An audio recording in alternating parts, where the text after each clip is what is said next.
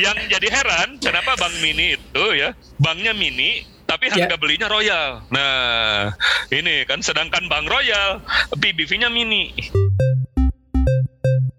pemetaan digital banking di Indonesia nanti akan seperti apa? Kita tahu ada bank-bank konvensional yang dia mengakuisisi bank lebih kecil akan dijadikan Wah, bank yang fully digital. Kemudian Pertanyaan selanjutnya yang mungkin ditunggu uh. sobat cuan adalah uh. bank apa yang masih murah? Iya. Yeah.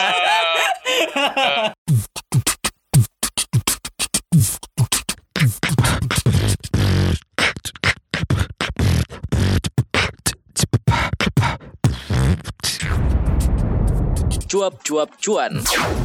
Halo sobat cuan semuanya. Hai ada sobat cuan. Iya, ada Alin Wiratmaja di sini. Ada Novan. Iya, kita berdua dari Cuap Cuap Cuan podcastnya CNBC yes. Indonesia. Hari ini kita kedatangan seorang narasumber yang luar biasa banget. Yeah. Beliau adalah dosen sekaligus juga investor, investor. sekaligus juga pengusaha properti. Wah, banyak banget Berarti ya. Kita bakalan diajarin banyak ini kayaknya ya. Banyak sobat banget. cuan mesti dengerin terus sampai selesai. Betul. Kita kedatangan Kang Erman Ar Arif Sumirat. Halo. Halo. Halo. Halo. Halo. Selamat sore semua.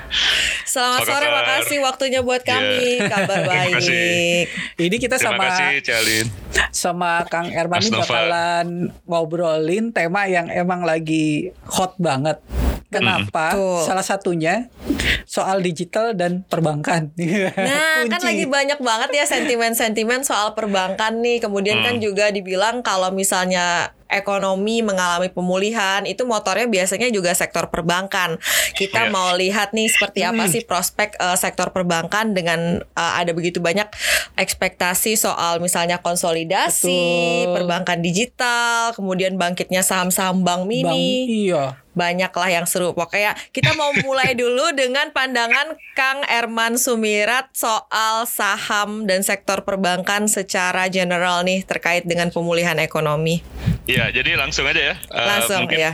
Ya paparan singkatnya ya. Jadi uh, saya sih lagi happy ya. Mungkin Cialin juga happy hari ini uh, saham itu uh, mulai recovery ya. Jadi pertumbuhannya juga lumayan ya. Uh, kalau nggak salah tadi itu plus 1,2 persen ya. Walaupun kata Warren Buffett jangan terlalu ngelihat uh, harga saham setiap hari gitu ya. Hmm. Tapi kita ya paling nggak uh, lirik-lirik gitu ya. Tengok-tengok dikit gitu. Walaupun uh, sebenarnya kalau kita kan investornya itu jangka panjang gitu gitu ya. Dan di Indonesia dari katakanlah 30 perusahaan ya yang masuk ke IDX Value 30 kemudian juga dari LQ45 gitu ya. Terus ada lagi indeks itu uh, Growth 20 gitu ya Value 20 gitu ya uh, atau 30 perusahaan uh, yang terbaik ya dari sisi value growth gitu. Terus dari sisi uh, pembayar dividen gitu ya. Kemudian uh, dari LQ45 itu banyak sekali perusahaan-perusahaan yang dari sektornya itu adalah perbankan gitu ya nah kalau kemarin kita lihat kredit ini uh, melambat ya, terjadi kontraksi gitu. Jadi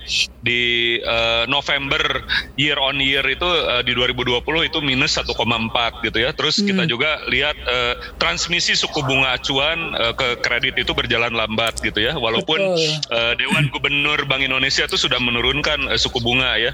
Jadi uh, menjadi berapa tuh 3,5 persen gitu ya. Kemudian uh, kita lihat kredit juga ada tumbuh gitu ya 1 sampai 4 persen. Nah tapi ini sentimennya itu masih uh, terpengaruh dengan gejolak-gejolak jangka pendek. Misalkan hmm. pertanyaan kita bagaimana mobilitas uh, penduduk itu bisa berkembang gitu ya atau meningkat lagi pasca uh, vaksinasi gitu ya. Jadi harapannya kan ekonomi recovery ini tergantung ya. Kalau misalkan mobilitas makin tinggi, daya beli makin tinggi, uh, itu uh, apa namanya uh, mudah-mudahan sektor perbankan juga meningkat gitu ya karena pemerintah sudah kasih kebijakan ya. Misalkan PPNBM uh, sudah 0% ya, ada intensi intensi fiskal untuk uh, mobil gitu ya.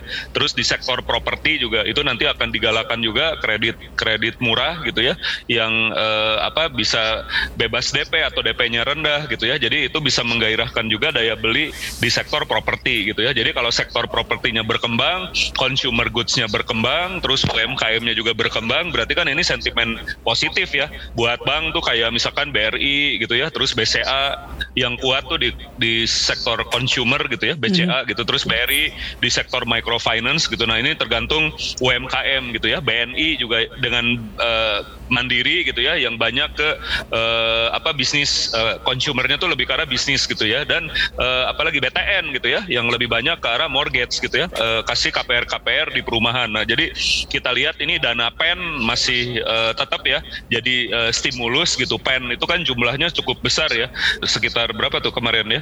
695 triliun gitu ya. Dan itu ada uh, BUMN tuh dapat 47,5 T gitu ya. Terus uh, bank di daerah BPD 14 triliun terus bank syariah 3 triliun gitu ya. Itu tahapan pertama tuh 6,45 gitu. Jadi kita lihat ini kalau uh, dana pen ini tetap lancar gitu ya, itu merupakan katalis positif gitu di mana porsinya juga banyak buat UMKM gitu ya. Nah, ini juga katalis yang positif buat misalkan BRI gitu ya yang banyak main di uh, apa di UMKM uh, di UKM ya, di microfinance maaf ya. Dan ini nanti ada kai, ada kaitannya sama integrasi ke ultra micro gitu ya kayak main ke PNM gitu ya terus ke Pegadaian gitu ya. Jadi Pegadaian sama sama uh, eh, PNM terus uh, dengan BRI ini akan sinergi gitu ya. Nah mereka juga bisa apa uh, mengadakan cross selling gitu ya. Jadi customernya itu saling membantu atau mengembangkan sayap gitu ya. Jadi uh, potensi unbank ternyata dari laporannya Bain ya sama Temasek dan Google Google Analytics itu cukup besar gitu ya. Yang hmm. masih di servis itu sangat rendah ternyata gitu ya. Jumlah unbank di Indonesia itu konon menurut laporan mereka ya itu sampai 90 juta uh, penduduk gitu ya atau 90 juta ya penduduk yang belum uh, terakses dengan layanan perbankan gitu ya. Jadi kalau layanan perbankan itu mungkin yang sudah diservis itu yang punya bank account. Tapi yang yeah. uh, fungsi yang lainnya ya kayak asuransi gitu gitu ya, investasi, kemudian uh, settlement gitu ya, uh, kredit gitu ya, itu masih banyak yang yang uh, belum tercapai gitu ya, belum belum terjangkau oleh uh, uh, bisnis bank gitu ya. Nah ini mungkin yang yang dilihat oleh uh, apa e-commerce gitu ya, oleh fintech gitu sehingga mereka mengakuisisi bank kecil gitu kayak Arto gitu karena segmen unbank itu ternyata masih lebih gede daripada bank gitu ya. Jadi itu peluangnya di situ gitu ya. Jadi walaupun terjadi krisis gitu ya, uh, banyak restrukturisasi di kredit-kredit, kemudian uh, loss rate juga itu mulai meningkat tapi terus recovery gitu. Nah, bank itu kan uh, mungkin banyak yang profitabilitasnya menurun gitu ya. Tapi yeah. kalau recovery ini udah selesai, uh, Mas ya kalau recovery ini udah selesai itu peluangnya untuk masuk ke bank itu sangat besar gitu. Terbukti layanan-layanan uh, kayak Gojek gitu ya uh, lewat transaksi GoPay, uh, GoFood gitu, delivery, mobility itu cukup pesat meningkat gitu ya. Makanya mereka ingin segera merger nih sama Tokopedia gitu dan valuasinya itu bisa sekitar 30 sampai 50 billion US dollar. Jadi Gojek sendiri kan kalau di value itu sekitar uh, 10 billion ya. Yeah. Uh, Decacorn gitu ya. Jadi sekitar 140 triliun. Terus uh, Tokopedia itu sekitar tujuh setengah uh, billion US dollar. Jadi kalau digabung itu kan harusnya 17 setengah ya billion hmm. US dollar. Tapi ternyata ketika merger itu banyak dampak-dampaknya yang bisa masuk misalkan ke channeling unbank gitu ya sehingga valuasinya itu bisa sekitar uh, minimal tuh 30 billion US dollar. Jadi cukup Dua, besar hampir, ya kalau kalau secara rupiah ya? ini bisa ya bisa ngumpulin dana sampai 550 sampai 570 triliun rupiah gitu ya. Kalau IPO gitu ya ini jumlah yang cukup besar. Makanya mungkin mereka berani beli apa uh, Arto gitu ya Bang Jago dengan harga yang ya PBV-nya tuh 10 kali kan ya uh, cukup Premium, besar ya. gitu, cukup mahal ya premium sekali gitu ya karena mereka melihat wah ini potensi unbank cukup besar gitu ya kalau digabung dengan apa bank kecil gitu bank digital banking itu kan nggak banyak uh, ini ya nggak banyak brands gitu ya jadi uh, cenderung brandless gitu brandsnya sedikit gitu nah jadi mereka itu nanti mengkapitalisasinya itu lewat traction ya lewat user gitu ya harapannya usernya itu ya bisa bertumbuh uh, secara banyak ya saat ini kan Gojek itu punya 38 juta user terus Tokopedia tuh ada 100 juta user ya jadi uh, ekosistemnya tuh cukup banyak gitu. Ridernya sendiri mitranya ada 2 juta gitu ya, 2 juta mitra gitu. Terus 900 ribu untuk GoFood ya, UMKM-nya. Nah UMKM ini kan belum tentu semuanya udah dapat kredit dari bank ya. Hmm. Nah ini yang jadi uh, apa? Yang jadi uh, poin gitu ya, strength gitu. Jadi kalau itu bisa digabung, bisa diraih gitu ya. Nah tentu saja valuasinya akan lebih tinggi. Jadi kalau dari sisi perbankan ya seperti itu ya. Artinya banyak masyarakat yang belum tersentuh layanan perbankan. Udah gitu kalaupun tersentuh mereka baru punya bank account gitu ya. Tapi uh, untuk masalah kredit, apalagi investasi, apalagi sampai ke multi finance, asuransi. Nah ini integrasinya itu belum menyeluruh. Jadi harapannya uh, kayak di Singapura gitu ya, di mana masyarakat itu sudah punya bank account, udah bisa lending dari bank, kemudian pembiayaan sama servis keuangan dari bank, advisory, multi finance sama apa tadi itu remittance misalkan ya atau masalah investment ya. Jadi bank juga nanti mengembangkan ke arah uh, investment gitu ya, kayak BJB aja kemarin bikin BJB sekuritas gitu ya. Karena melihat oh potensi investor ini makin banyak gitu ya. Saya kalau nggak punya sekuritas ya. Jadi di masa uh, krisis kemarin kan banyak sekali investor yang masuk ya jumlah SID itu kata IDX meningkat cukup pesat gitu di Indonesia. Begitu jadi uh, outlooknya ya. Kalau saya sih lihatnya dari sisi optimisme aja gitu. ya. nah, tadi sebenarnya uh, Kang Herman sudah udah nyebutin berbagai clue-clue banknya juga ya sebenarnya. Iya. Sudah banyak kode-kode bisa ditangkap. nah, pertanyaannya kalau kalau kalau saya sih uh, Kang Herman, ini kan lagi banyak nih oh, bahkan bank-bank juga bilang go digital banking, digital banking yeah. gitu ya. Yeah. Nah, yeah. sebenarnya digital banking itu apa sih? Mungkin sobat cuan juga sebenarnya apakah uh, bank-bank yang sudah punya aplikasi layanan uh, uh. itu udah automatically digital atau mereka bi beyond beyond traditional bankingnya itu kayak gimana sebenarnya kalau digital banking itu? Iya iya iya. Kalau digital banking itu kayak di China itu mirip dengan yang namanya WeBank ya dari apa WeChat gitu ya. Nah ya. jadi ada tuh di China yang namanya WeBank itu perlu kita lihat gitu ya. Jadi uh, apa uh, bank digital itu kan sebenarnya meninggalkan konsep yang tradisional gitu ya. Di mana kalau bisa kita itu menuju ke arah konsepnya uh, branchless ya. Jadi branch branch itu atau kantor cabang, kantor utama gitu ya, pelayanan ATM itu udah mulai berkurang ya, diganti dengan digital branch. Jadi berdasarkan POJK nih nomor 12 tahun 2018, kita bisa melakukan banking anywhere gitu ya dengan konsep digital gitu ya. Nah, uh, jadi apa namanya tidak hanya ap, uh, uh, sekadar aplikasi gitu ya, tetapi layanannya itu sudah dipastikan itu menggunakan tingkat IT yang besar gitu ya. Dia dia juga punya mesin learning, ada AI, uh, eh, apa data analytics gitu ya. Sehingga kalau saya datang itu nggak nggak ditawarin produk yang one size fits all gitu ya. Kalau sekarang kan ke bank itu ditawarin customer service pak, mau produk ini nggak, deposito ini atau iya, reksadana yeah, yeah, yeah. ini gitu ya. Nah tapi kalau banknya udah digital, ciri-cirinya dia udah punya mesin learning dengan AI yang cukup canggih. Jadi begitu datang dia udah tahu profil saya karena dia mungkin baca ya lewat sosial media gitu ya, lewat apa uh, data in, yang terkoneksi dengan dengan e-commerce gitu ya atau fintech gitu ya. Jadi dia tahu profil saya. Ya, misalkan kalau saya itu lebih banyak ke arah investasi, ya dia nggak akan terlalu banyak nawarin deposito gitu ya. Jadi dia nggak akan terlalu banyak nawarin money market atau fixed income gitu ya. Ya ngomongnya itu udah betul-betul lebih ke arah investasi gitu ya. Paling dia tahu layanan uh, servis keuangan saya ya. Misalkan saya ini hobinya uh, belanja produk tertentu gitu. Nah, nanti dia tawarin tuh gimana caranya uh, produk tersebut bisa lebih uh, secara uh, ke, apa servis ya bisa lebih uh, baik gitu ya. Mungkin dari sisi bankingnya itu kan uh, kalau biasanya belanja belanja itu ribet ya kayak ke luar negeri mungkin uh, harus ada transfer gitu ya lama. Nah mungkin dia akan bantu tuh proses-proses keuangannya karena dia udah tahu uh, secara analitik tuh behavior saya. Ya dari consumer behaviornya belanjanya ke mana gitu ya belanja barangnya seperti apa berapa tahun sekali beli barangnya kemudian uh, investasinya uh, cocoknya ke mana. Nah mungkin nanti dia uh, nawarin tuh Pak kalau lagi indeks uh, tur misalkan bunga lagi naik nih Pak.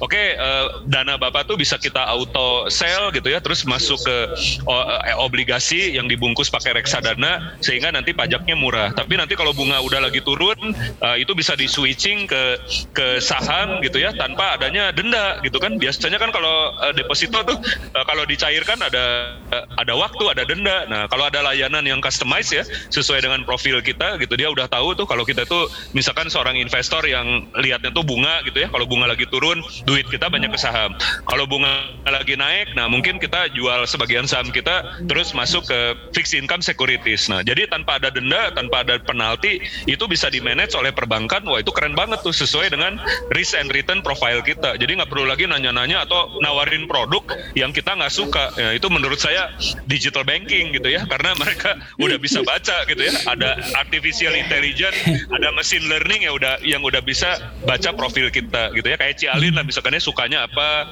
mau pakai kredit card bayarnya atau mau pakai debit card gitu ya. Terus nanti investasinya mau berapa persen gitu ya. Jadi alokasi keuangannya itu udah bisa diatur oleh bank gitu. Dia tinggal nawarin draft yang isinya itu berapa persen untuk investasi, berapa persen untuk asuransi, berapa persen untuk layanan keuangan yang sifatnya konsumsi. Nah ini yang keren tuh dari hmm. digital dan prosesnya itu nggak perlu ketemu gitu ya.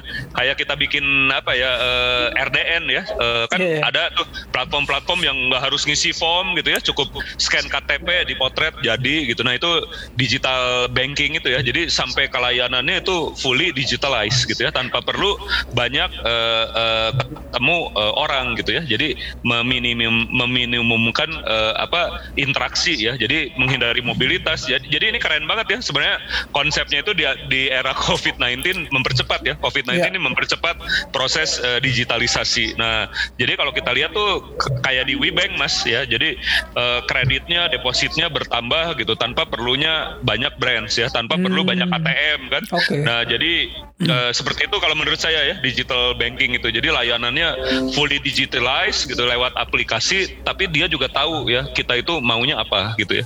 Kayak Tokopedia lah kan kadang-kadang kalau kita sering beli sepatu, dia juga atau Instagram ya, dia juga nanti akan banyak tuh nawarin sepatu yang pakai sponsor ya, yang kira-kira bagus sesuai dengan selera kita gitu kan. Kita sukanya sneakers nggak suka boot gitu. Nah nanti Instagram tuh bisa baca gitu ya. Nah itu ke ke depannya harapannya digital banking itu akan seperti itu gitu mirip kalau kayak kita di Instagram itu kalau sering uh, beli-beli ya, beli-beli barang gitu. Nah, itu nanti akan di di uh, tractionnya itu akan lebih banyak ke arah barang-barang yang kita suka gitu. Itu kayaknya digital banking ke depan. Yeah.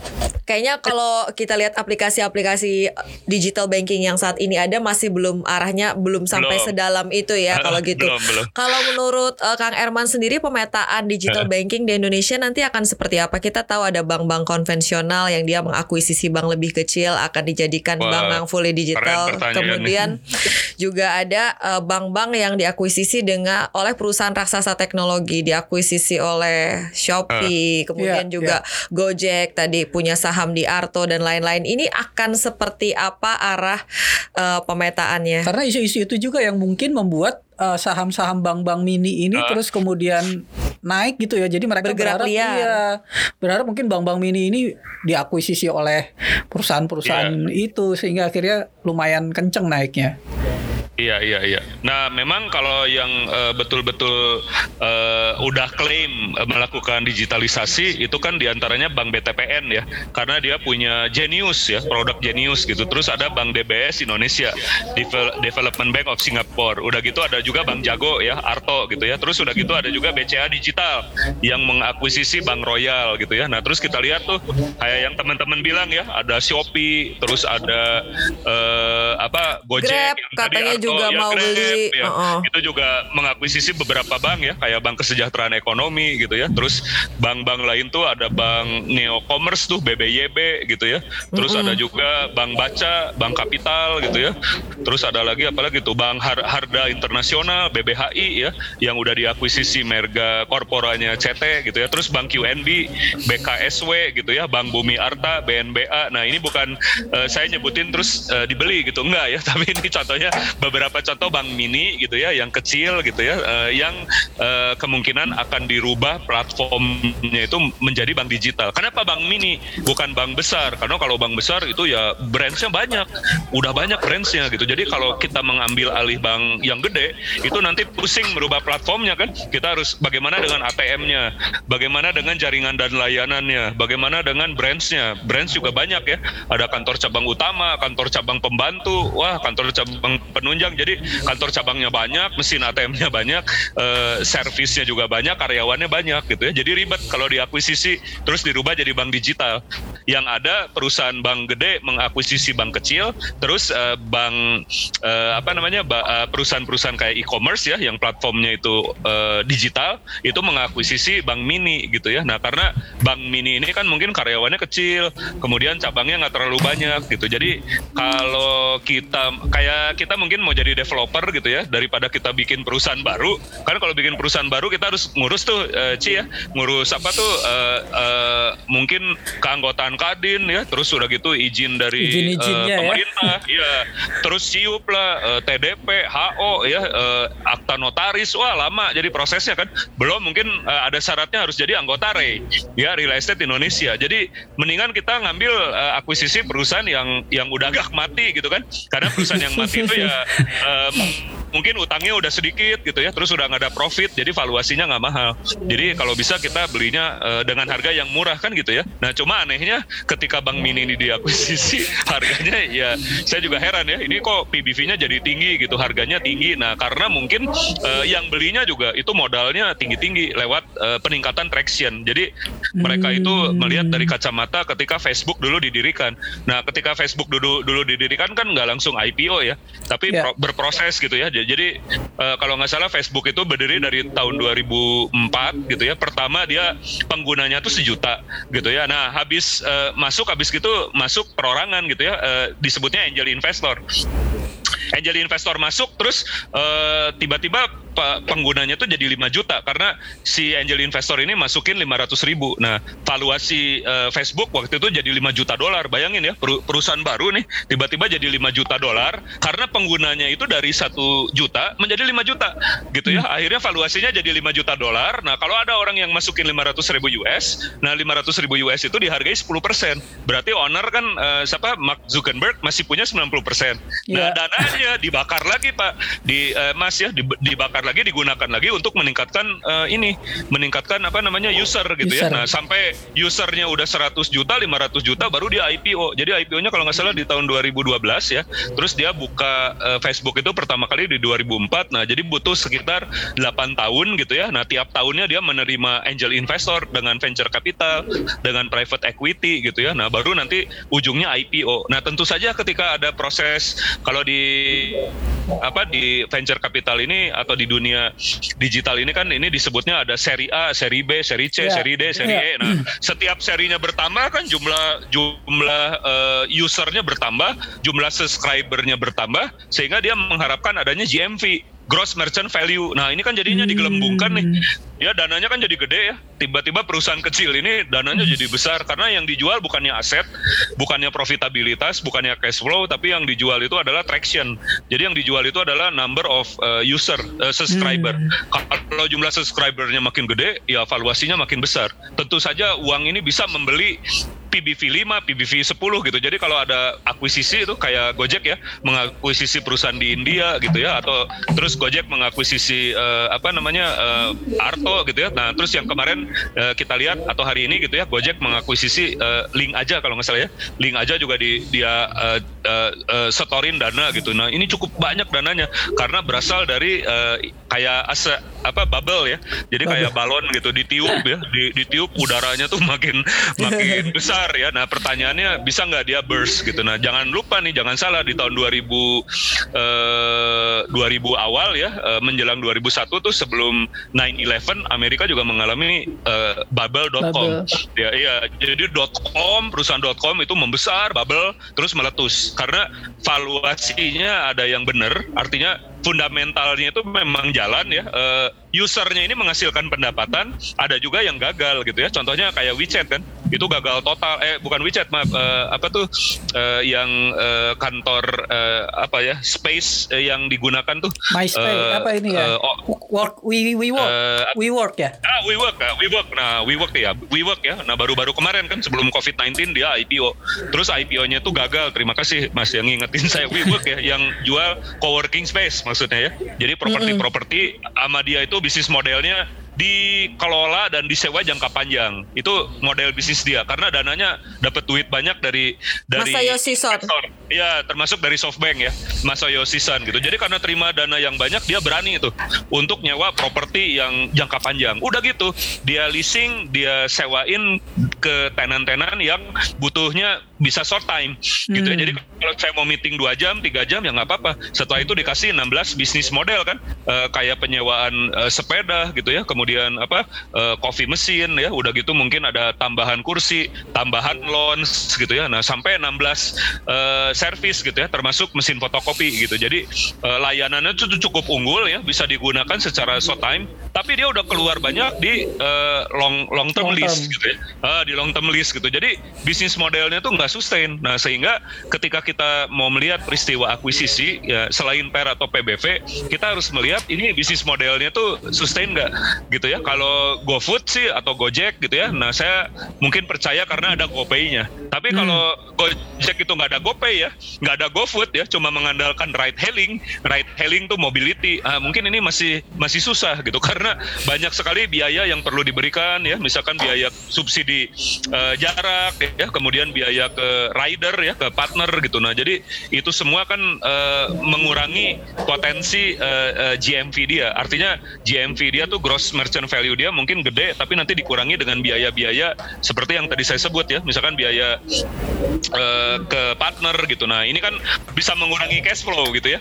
Nah tetapi karena dia itu tergabung dengan GoPay dan GoPay-nya itu valuasinya cukup besar ya, bisa sampai 80 triliun rupiah kalau saya valuasi. Nah, itu me me mengundang lagi, mengattract lagi banyak uh, uh, perusahaan-perusahaan untuk masuk gitu ya. Astra misalkan masuk, kemudian apalagi ya, Telkomsel ya masuk juga gitu. Nah, ini sekali chip in kan ada yang 2 triliun, ada yang 3 triliun gitu. Nah, dana-dana yang triliunan ini berarti kalau digabung dengan yang kemarin-kemarin tuh termasuk dari Google ini sangat besar dananya. Jadi otomatis dia beli Arto juga itu ya uh, bisa sambil uh, ya merem gitu ya. Artinya ya hey, murah lah gitu ya. Dana gue gede gitu. Kalau gue beli nah bagaimana dengan investor? Nah saya udah bilang ya kalau investornya itu dananya dana susah gitu artinya dari gaji yang nggak digelembungkan gitu ya. Bukan dari rezeki menggelembung bukan dari kenaikan aset yang cukup banyak. Terus kita beli sesuatu yang uh, sifatnya tuh menggelembung itu kan jadinya sakit hati ya. Kalau tiba-tiba nanti uh, harganya tuh turun gitu ya. Jadi kalau mau beli bank mini ini bank digital gitu ya make sure itu rezekinya mungkin dari dividen uh, saham gitu ya atau dari sesuatu yang udah naik pesat ya. Misalkan kita punya tanah tuh tanahnya naik 10 kali. Nah terus saya mau beli itu saham Arto yang nggak masalah sih gitu. Yang penting belinya itu uh, uh, harganya itu ya ketika di awal-awal ya ketika misalkan ada berita nih akan terjadi merger atau akuisisi. Nah terus kita masuk. Kalau saat ini sih menurut saya udah agak mahal ya. Jadi Warren Buffett kan bilang ya kalau beli perusahaan itu it is far better to buy buy a wonderful company at a fair price ya rather than to hmm, buy hmm. a fair company with a wonderful price. Jadi itu harus diterapin. Ya Warren Buffett juga beli eh, saham-saham teknologi. Contohnya dia punya kan yang terkenal di Amerika itu Mas ada Fang ya, Ci ya. Yeah. Fang hmm. itu Facebook, Facebook, Apple, uh, uh, Amazon ya, Netflix, Netflix sama Google, Google Alphabet yeah. ya. Terakhir yeah. mungkin masuk Tesla. Jadi mungkin dirubah bukan Fang ya, jadi Fatang gitu. Kalau kemarin kan Fang ya, Fang gitu, F-A-N-G gitu, Fang. Nah sekarang jadi Fatang kan karena ada Facebook, Apple, uh, Tesla, Tesla, terus ada Amazon, ya Amazon, ya. Uh, Google sama Netflix. Nah Warren Buffett beli loh. Apple ya, walaupun ada kabar dia lepas, tapi belinya tuh keputusannya cukup berharga di tahun 2016. Jadi ketika harga sahamnya Apple lagi turun karena isu uh, uh, masalah pajak ya, dia kan nyimpan uangnya tuh banyak di Irlandia gitu ya, uh, sehingga ada tuntutan dari Amerika, wah uh, gimana sih ini uh, bikin bikin uh, handphonenya di China, uh, usernya pembelinya banyak di Amerika, Amerika. tapi nyimpen duitnya banyak di Irlandia karena di Irlandia pajaknya lebih rendah daripada di uh, Amerika kan. Nah, jadi uh, waktu itu uh, kan apa uh, Donald Trump itu uh, itunya jargonnya kan let's make America great again kan. Jadi harus great segala-galanya. Jadi duit juga kalau bisa balik lagi ke Amerika kan. Nah, dia juga menekan Apple kan. Nah, Apple waktu itu tertekan gitu ya. Harga sahamnya sempat jatuh terus naik lagi karena ada iPhone baru kan, uh, ada iPhone baru launching gitu ya, uh, sehingga harga sahamnya naik. Nah kalau kita lihat itu rata-rata ROE-nya, return on equity Apple itu uh, setiap tahun naik gitu ya. Jadi kayak BCA, setiap tahun naik gitu ya. Terakhir uh, rata-rata ROE-nya itu 90%. Jadi Warren Buffett beli super wonderful company yang ROE-nya tinggi, tapi dia belinya itu di saat yang tepat gitu ya. Manakala perusahaan itu sedang jatuh harga sahamnya, tetapi di luar isu fundamental. Jadi isunya bukan karena produknya, bukan karena manajemennya, tapi tekanan eksternal gitu ya yang menyebabkan harga sahamnya uh, jatuh gitu ya. Nah, itu saat Warren Buffett beli Apple ya di tahun misalkan uh, contohnya tahun 2016 dan belinya tuh nggak di awal-awal ya. Kalau di awal-awal ketika uh, Steve Jobs masih hidup, ya itu mah terjadi uh, proses uh, seperti private equity atau venture capital gitu ya. Jadi Apple, uh, Apple-nya tuh belum belum established gitu ya, belum belum stabil, terus belum ada laporan keuangan ya kita nggak bisa baca berapa arus kasnya, berapa pendapatannya, berapa laba bersihnya, berapa EPS-nya, berapa pertumbuhan asetnya. Nah kita belum bisa baca itu, kita belum bisa menentukan apakah sahamnya kita beli atau enggak gitu ya. Setelah IPO pun Warren Buffett belum masuk gitu ya, dia baru masuk itu setelah melihat gitu roynya tuh keren gitu ya bisa naik terus gitu. Tapi ya kita sabar gitu ya tunggu waktunya. Nah begitu harga sahamnya salah harga gitu ya atau terjadi penurunan itu kita beli. Ya eh, kurang lebih sederhananya kayak misalkan kita beli BCA tapi belinya tuh di April eh, 2020 gitu ya ketika ada Covid ya. Nah kan oh, iya. semua orang ngejual ya harga BCA tuh turun gitu jadi di bawah 30 ribu kan murah banget gitu ya 24 ribu 25 ribu. Udah kita hajar habis terus kita sabar. Dan sekarang itu kan eh, sekarang jadi berapa 33 ribu. Nah seperti hmm. itu kan. Jadi uh, para pemirsa uh, teman-teman semua ya uh, sobat-sobat saya bisa lihat belajar dari pengalamannya Michael sama Budi Hartono. Nah, mungkin Michael Budi Hartono itu kan orang terkaya di Indonesia ya. Dia belinya saham BCA loh. Terkayanya uh, karena beli saham BCA. Dulu dia beli di tahun 2000 itu dia keluar duit 3,45 T.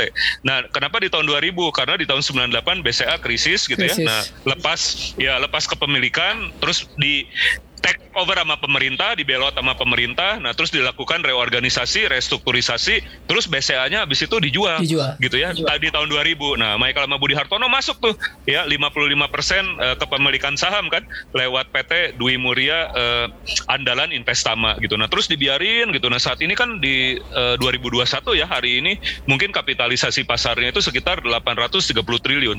Jadi kalau dikali 55% tuh sahamnya Michael sama Budi Hartono, dia paling nggak punya 400 lebih triliun. Nah, bayangin tuh dari 3,45 jadi uh, eh, 400 triliunan kan dalam waktu uh, berapa berapa lama tuh? 21 tahun 21 ya tahun. 20 tahun lebih ya jadi lesson learnnya ya kita beli aja perusahaan yang bagus ya yang uh, apa pendapatannya selalu naik gitu labanya selalu naik asetnya selalu meningkat arus kasnya bagus gitu ya. Nah tapi belinya ketika uh, terjadi misalkan krisis gitu ya atau harga sahamnya itu turun gitu ya. Nah terus kita biarin aja ya biarin uh, sabar gitu ya lima tahun 10 tahun 20 tahun. Nah setelah itu mudah-mudahan kita bisa jadi orang terkaya seperti Michael dan Budi Hartono. Nah, saya sih belajar gitu aja.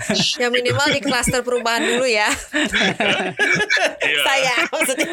Ini, iya, iya. ini uh, menarik tadi Kang Kang, Kang Erman uh. sempat nyinggung Warren Buffett juga kan membeli uh. Uh, saham memberi company pas hmm. harganya dalam tanda kutip salah gitu kan tapi salah, punya ya, punya nah. ya gitu kan. Nah, nah sebenarnya kalau dari kacamata Kang Emran bank-bank mini yang lagi booming ini harganya harga tepat atau harga kelewatan dalam uh, kutip? Uh, harganya harga salah terlalu mahal, overreaction oh, gitu uh, dari para uh, pembeli sahamnya gitu ya. Baik hmm. itu uh, sebenarnya yang paling untung tuh kan investornya ya. Kayak Bang Arto gitu. Yang paling untung yeah. siapa sih? Yang paling untung ya Pak Jariang sama Pak Patrick Waluyo kan yang yeah. udah punya posisi duluan gitu kan dan kebetulan uh, North Star Pacific ini yang ada Jariang sama Patrick Waluyo itu kan pemegang saham early juga di yeah Gojek gitu kan. Nah, jadi dia hmm. ya bisa ada di Gojek cuan gitu ya. Terus di Arto juga ada cuan gitu. Dari Arto dapat cuan gitu ya karena PBV-nya mahal. Terus nanti Gojeknya di merger sama Tokopedia. Setelah itu valuasinya jadi tinggi lagi. Jadi hebat nih. Saya sih harusnya belajar dari uh, Pak Jerian sama Patrick Waluyo ya. Gimana kita caranya masuk di awal ya. Kalau bisa tuh masuk di awal gitu ya. Terus kita benerin perusahaannya sampai punya prospek, habis itu di take over sama yang lebih gede ya. Contohnya Gojek mengakuisisi Arto, nah setelah itu si Gojeknya dikawinin lagi sama Tokopedia, Tokopedia. baru di IPO kan. Wah itu cuannya luar biasa gitu ya. Nah kalau kita ikut-ikutan di belakangnya kan uh, jadi follower ya, follower nggak akan sebanyak cuan uh, inisiatornya gitu. Nah, oh. jadi mendingan beli beli bank atau perusahaan itu jauh sebelum uh, orang kebanyakan masuk gitu ya. Kayak Bris lah dulu ya. Bris uh, yeah. misalkan dulu itu kan ada ada kabar oh ada praktek konun gitu ya. Jadi di Aceh itu nggak boleh lagi pakai bank konvensional karena uh, regulasinya itu uh, pakai hukum apa syariah. Jadi harus konversi kan dari bank konvensional ke bank syariah. Nah, itu belum ada kabar merger tuh. Ya, kalau kita berani itu kita udah mulai beli sahamnya gitu karena uh, PBV-nya Bris kan waktu itu di bawah satu yeah. gitu ya. Terus kita tunggu tuh ya sampai kuartal laporan keuangan kuartalannya bagus gitu ya. Nah setelah itu ada kabar merger, harga brisnya lebih tinggi lagi. Sampai sekarang juga bris uh, ada isu apa ya uh, penambahan right, right issue, issue ya, issue, ya, penambahan modal gitu ya. Tapi kalau kita masuk udah agak telat ya. Harusnya masuknya di awal-awal sebelum ada kabar right issue, kabar merger ya ketika uh, PBV-nya masih rendah gitu ya. Jadi kalau mau itu ya perusahaan-perusahaan mungkin saat ini lebih murah. Uh, misalkan uh, orang ada yang berpendapat ya oh Pak lebih murah Bank Jatim atau Bank Jabar gitu ya. Ada lagi yang berpendapat Pak BNI lebih murah gitu ya. E, Mandiri lebih murah. Nah kalau BRI udah agak naik ya. BCA udah agak naik. Nah bank-bank mini wah ini udah naik banyak gitu ya. Meskipun kita ya, gini gini Mas, kalau naiknya banyak tapi ROE-nya kayak e, Apple ya yang ya. kayak anak tangga tuh naik banyak Ikut, gitu kan. Ya. Sekarang BCA e, ROE-nya tuh sekitar 14 sampai 15 persen. Nah hmm. kalau ROE-nya meningkat terus, PBV-nya mahal, saya masih mau beli oh. gitu ya. Dengan catatan oh. ROE-nya bagus ya return on equity-nya bagus gitu. Itu kita ya mahal dikit nggak apa-apa lah. Misalkan PBV-nya masih di bawah dua ya 1,7 1,6 1,8 nah kayak Bank Permata lah. Nah karena gini ya eh, eh, kan bank itu banyak diakuisisi juga ya. Misalkan yeah. Bank Permata sama Bank Bangkok. Terus Bank Kukmin mengakuisisi Bank Bukopin. Nah, udah gitu apalagi yang banyak diakuisisi kan eh, banyak ya di Indonesia akuisisi akuisisi bank gitu ya. Nah coba kita lihat PBV nya itu rata-rata nggak terlalu mahal loh. Mereka mengambil alih gitu ya. Nah BCA lah contoh ya. BCA mengakuisisi Bank Royal. Royal. Itu PBV di PBV-nya nggak Royal. Ya namanya banknya Royal. Tapi PBV-nya nggak Royal. Ya, nah yang jadi heran kenapa Bank Mini itu ya banknya mini tapi harga yeah. belinya royal. Nah, ini kan sedangkan Bank Royal PBV-nya mini. uh, berarti kan ada salah harga ya, overreaction dari pemegang saham. Nah, mungkin karena bank digital ya, mungkin orang wah ini digitalisasi ini sesuatu yang hebat gitu. Jadi apa pun digital nantinya pasti akan lari kenceng. Iya sih, akan lari kenceng. Tapi ingat pesan Warren Buffett, beli jangan terlalu mahal, nggak boleh kemahalan. Jadi kalau Cialin kemarin beli bank digital, bank mini dan kebetulan naik itu namanya momentum investing nggak apa-apa sih yang penting kan cuan ya hmm. momentum investing gitu tapi ya jangan dipegang lama ya kalau nanti takutnya kecewa ya artinya si uh, usernya itu ternyata nggak banyak gitu ya atau ROE-nya itu nggak terlalu banyak naiknya gitu karena PBV-nya udah kemahalan kalau yeah. PBV-nya udah kemahalan kita kan mengharapkan profit dengan ROE-nya itu naik banyak gitu ya nah kalau nggak hmm. bisa naik banyak ya karena gini yang namanya bisnis digital itu nanti growth growth uh, pendapatan pendapatannya itu harus double digit loh, harus super. Kayak Facebook gitu ya, Apple gitu. Lihat aja di Amerika tuh Netflix. Nah, penggunanya kan kayak Facebook ya. Facebook aja sekarang udah 2,8 miliar user loh. Jadi wajar kalau harga sahamnya naik. Nah, pertanyaannya, Bank Mini ini usernya uh, pendapatannya banyak pak, gitu ya. Kalau nggak bisa banyak ya momentum aja. Jadi kita istilahnya copet-copet ya. Iya, kita iya. ambil karena sentimen mau dua akuisisi.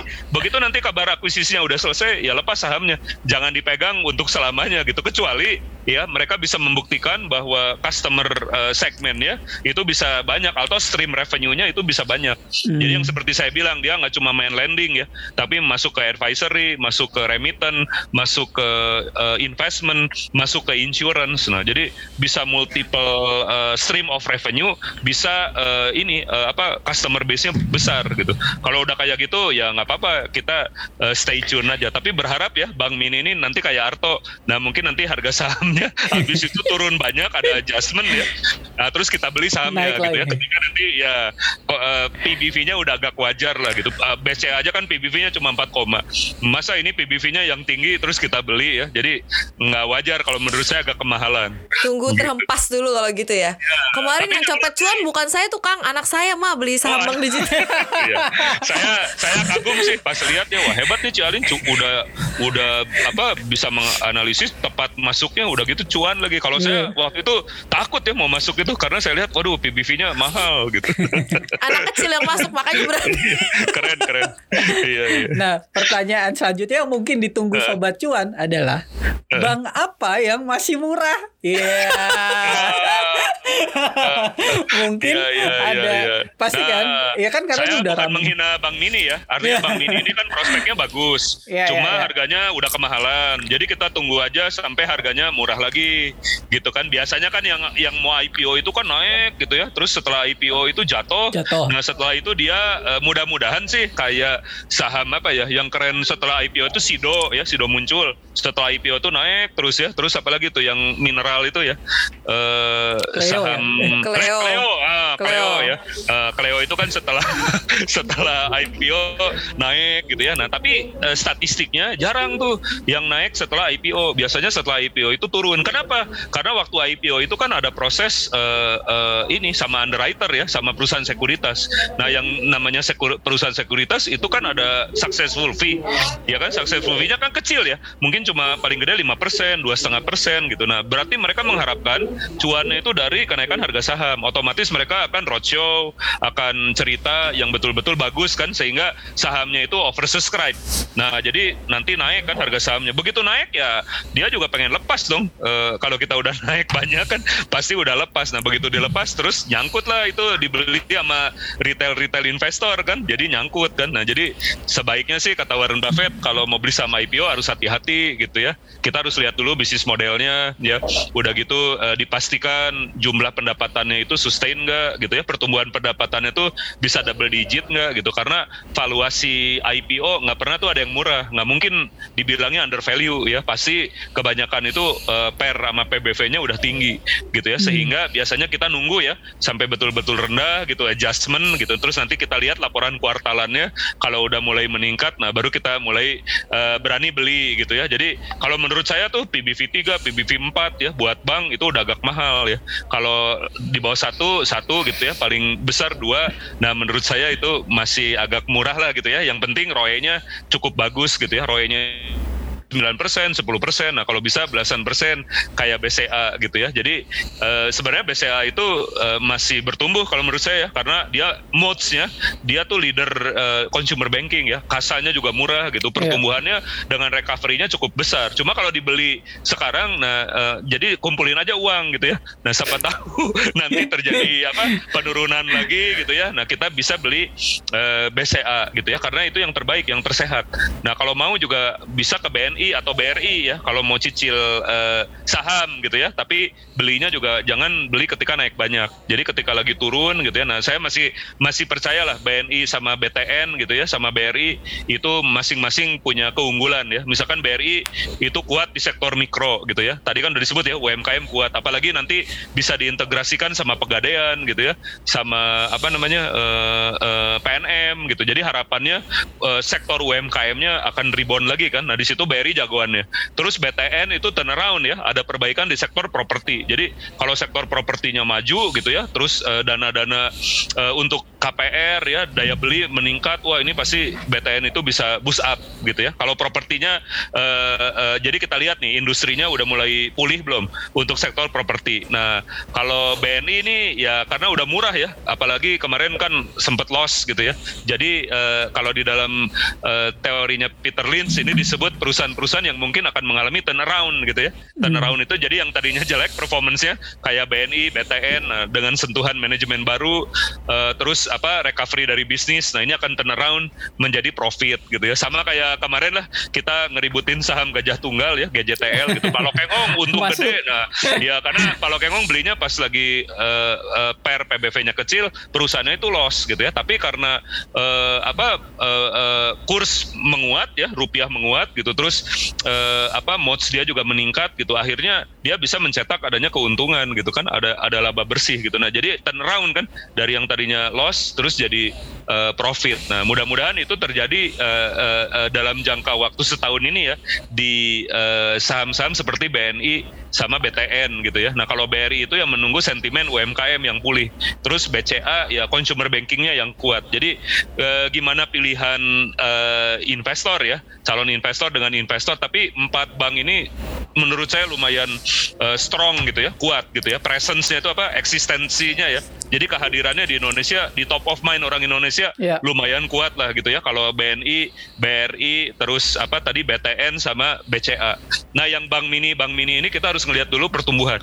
Ya, mereka bagus ya karena mereka itu uh, mungkin nanti setelah diakuisisi akan lebih efisien, cabangnya nggak banyak gitu ya, uh, pegawainya nggak banyak gitu. Jadi boponya diharapkan kecil. Bopo itu biaya operasional dibandingkan pendapatan operasional atau CIR ya, uh, CIR apa cost to income ratio. Nah, kalau branchless kan nggak uh, banyak uh, apa cabang gitu ya, nggak banyak ya. pegawai ya harusnya ongkosnya lebih murah, lebih efisien. Nah, tinggal kita lihat ini dari sisi traction pendapatannya. Apakah traction pendapatannya bisa double digit growth gitu ya? Karena harapannya kalau yang namanya digital itu kalau cuma dikasih pertumbuhan 20% nggak cukup mas, gitu ya. Hmm. Cialin ya harus 40%, 50% gitu, harus tinggi baru namanya digital gitu ya. Kalau kalau cuma nambah 10%, 11% ah itu mah kesam sih udah muncul aja, sih udah muncul aja yang yang sederhana ya. Uh, pertumbuhan yeah, yeah, yeah. labanya bisa double digit ya 11 persen gitu. Jadi ngapain ke digital? Kalau digital mah harus uh, tinggi itunya pertumbuhannya gitu menurut saya gitu. Jadi jangan asal demam digital aja nih lihat dulu nih yeah. dapat usernya dari mana. Tahu-tahu semuanya orang tetap aja pakai banknya BCA lagi BCA iya. oh, benar benar benar benar sih iya, iya iya iya iya. Tapi kalau untuk jadi hype ya oh uh, akan diakuisisi nah, berita akuisisi itu selalu rame.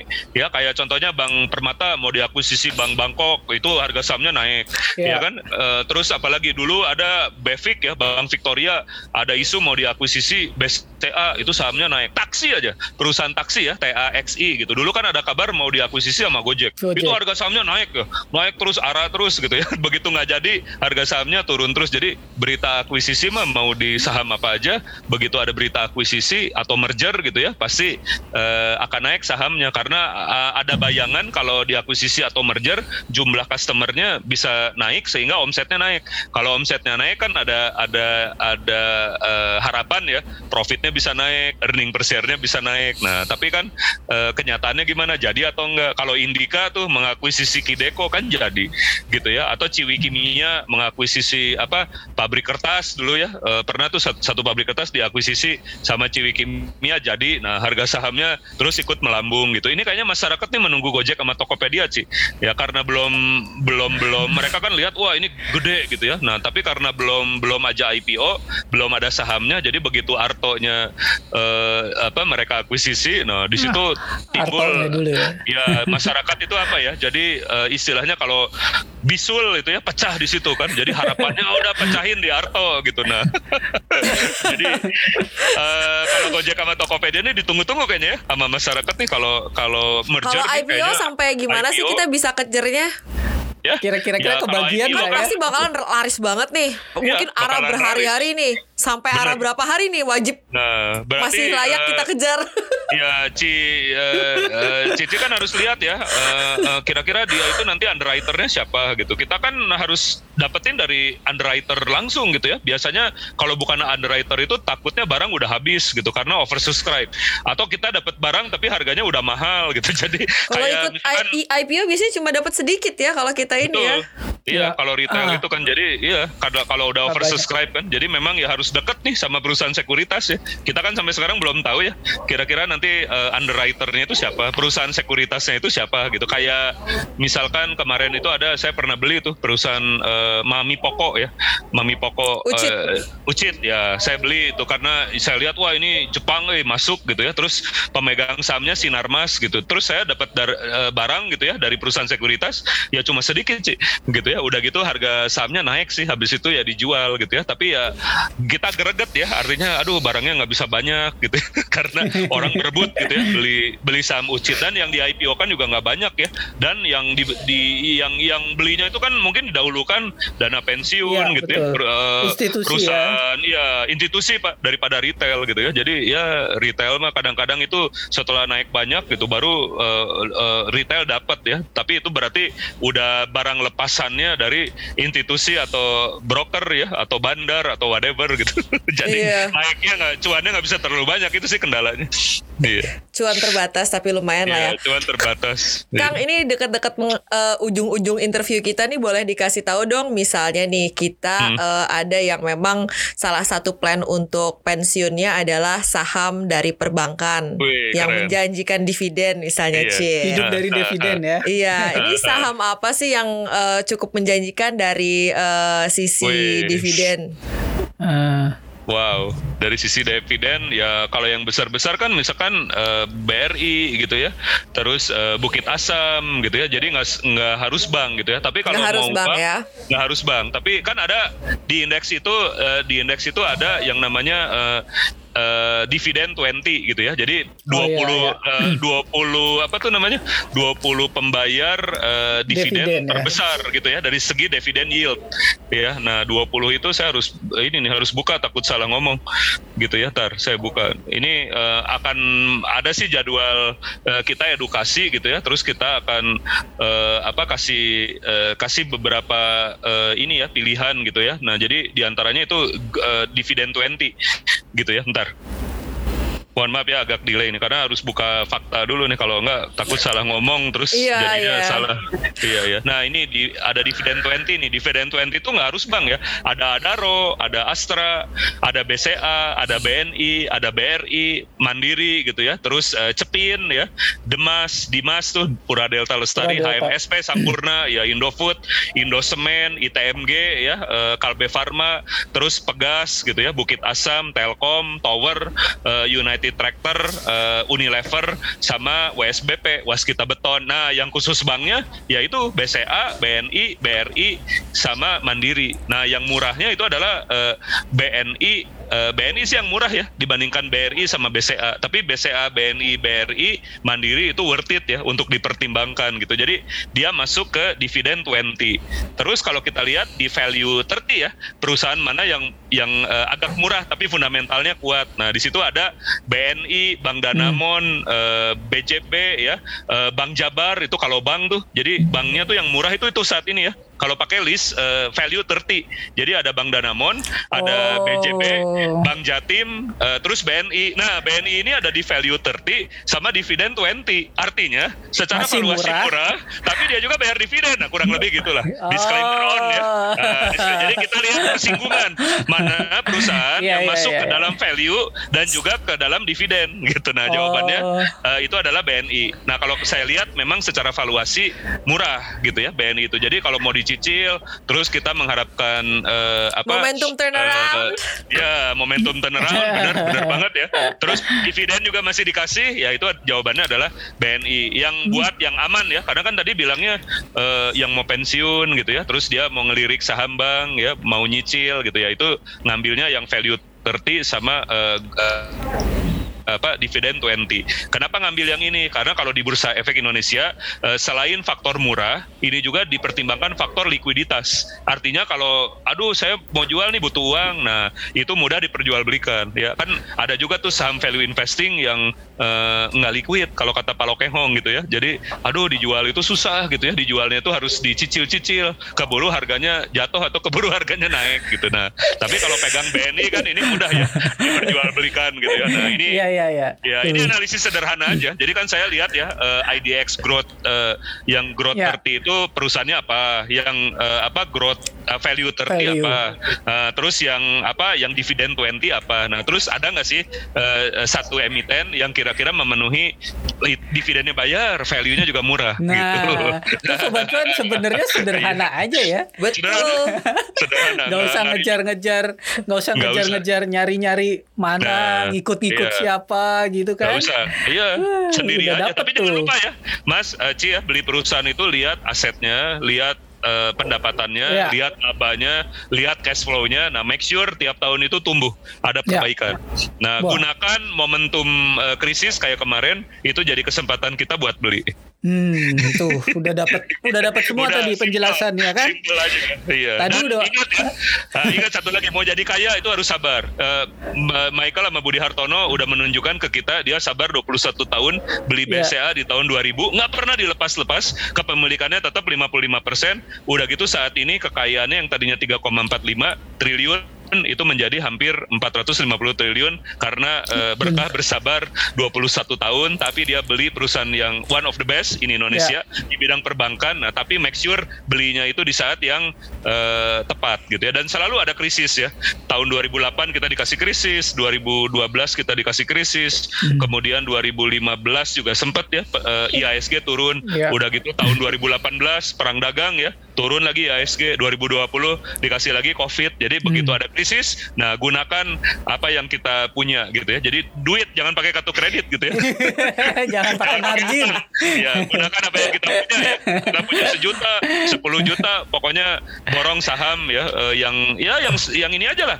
Yang kayak BCA BRI gitu ya. Nah yeah, kalau yeah. jatuh dibeli gitu dia. berarti krisis itu ada di balik krisis ada peluang ya betul malah. berarti boleh siapkan dulu pelurunya ya. Ya udah udah udah komplit banget tadi ya penjelasan soal faktor-faktor apa yang kita harus perhatikan di iya. saham-saham perbankan. Iya. Udah dijelasin juga soal bank digital, valuasinya akan kayak gimana. Iya, iya. Apa uh. aja yang perlu diperhatiin. Hmm, sampai iya. nyari bank yang murah dan ngasih dividen Mas Yan tuh. Sederhana Wah, banget ya, luar biasa emang. Bank yang murah. Tapi disclaimer on ya. Iya, harus iya. diteliti lagi iya, betul, sendiri. Betul. Ya, diteliti lagi sendiri jangan percaya kata saya. Saya cuma ngasih guidance. Iya. iya. Okay. Kang Herman closing statement uh, pesan singkat untuk para sobat cuan. Wah, untuk para sobat cuan ya kalau saham itu sebenarnya jangan terlalu ngelihat harga, jangan panik gitu ya. Kita harus selalu melihat laporan keuangan, ikut ke public expose ya, gunakan data. Misalkan salah satu yang resourceful itu dari CNBC eh, Indonesia gitu ya. Data-datanya bagus ya, analisisnya juga bagus. Nah, tapi tetap RTI. Jadi tidak langsung dipercaya ya. Doing your own reading, thinking setelah itu invest. Nah, begitu invest make sure perusahaannya bagus, dibeli di harga yang murah terus uh, kasih waktu ya uh, perusahaan itu supaya bisa memperbaiki kinerjanya. Nah, jangan lupa lihat juga kalau saya aspek likuiditas. Jadi ya sahamnya juga harus mudah diperjualbelikan karena ada juga saham yang murah tapi secara likuiditas dia kurang uh, bisa dibeli, kurang bisa dijual gitu. Jadi uh, nanti nunggu waktunya lama gitu ya. Sehingga kesabaran kita boleh tapi uh, kita juga kecerdasan emosional gitu ya penting gitu. Kemudian uh, sabar ya. Setelah itu juga banyak baca, rajin baca gitu ya. Nah, uh, analisis uh, dipertajam gitu ya. Terus jangan takut ya saham itu pasti dalam jangka panjang itu selalu naik ya selama kita membeli perusahaan yang uh, bagus ya bisnis modelnya gitu. Terus valuasinya juga bagus. Nah harganya murah. Jadi itu aja kayaknya sih nggak banyak uh, kan Warren Buffett bilang ya uh, you don't have to be a rocket scientist ya. This is not the rocket mm -hmm. science. Jadi sangat simple to understand ya, easy to understand as long as you uh, buy what know what you buy, buy what you know. Ya, yeah, uh, be fearful when others are greedy, be greedy when others are fearful. Uh, it is far better to buy a wonderful company at a fair price rather than to buy a, a, a fair company with a wonderful price. Jadi cukup tiga prinsip itu ya. gitu. Yeah. Mantap. Iya. Makasih waktunya Kang iya. Erman. Thank you banget. Sama-sama. Luar iya. biasa ini Salam cuan ya. Semoga uh, apa semakin sejahtera Indonesia ini kita gitu ya. Semua sejahtera. Ya. Salam cuan yang langgeng. Iya, ya. salam cuan. salam cuan. Oke, okay, salam cuan. Ya itu tadi perbincangan kita bersama dengan Erwan Arif Sumirat, seorang yeah. dosen dan juga edukator uh, saham. Iya. bisa bisa dinikmati tidak hanya di Spotify tapi juga di, Google Podcast, Google Podcast dan juga Apple di Podcast. ya. Podcast. Jangan lupa kalau udah dengerin episode ini nanti drop komen di IG-nya cuap cuan, cuap underscore iya. cuan, yeah. Sobat cuan. Iya, interaksi dengan kita ya di Instagram kita at cuap underscore cuan. Saya Alin Murat Maja undur diri. Saya Novan. Salam cuan. Ya, salam cuan. Ya, terima kasih.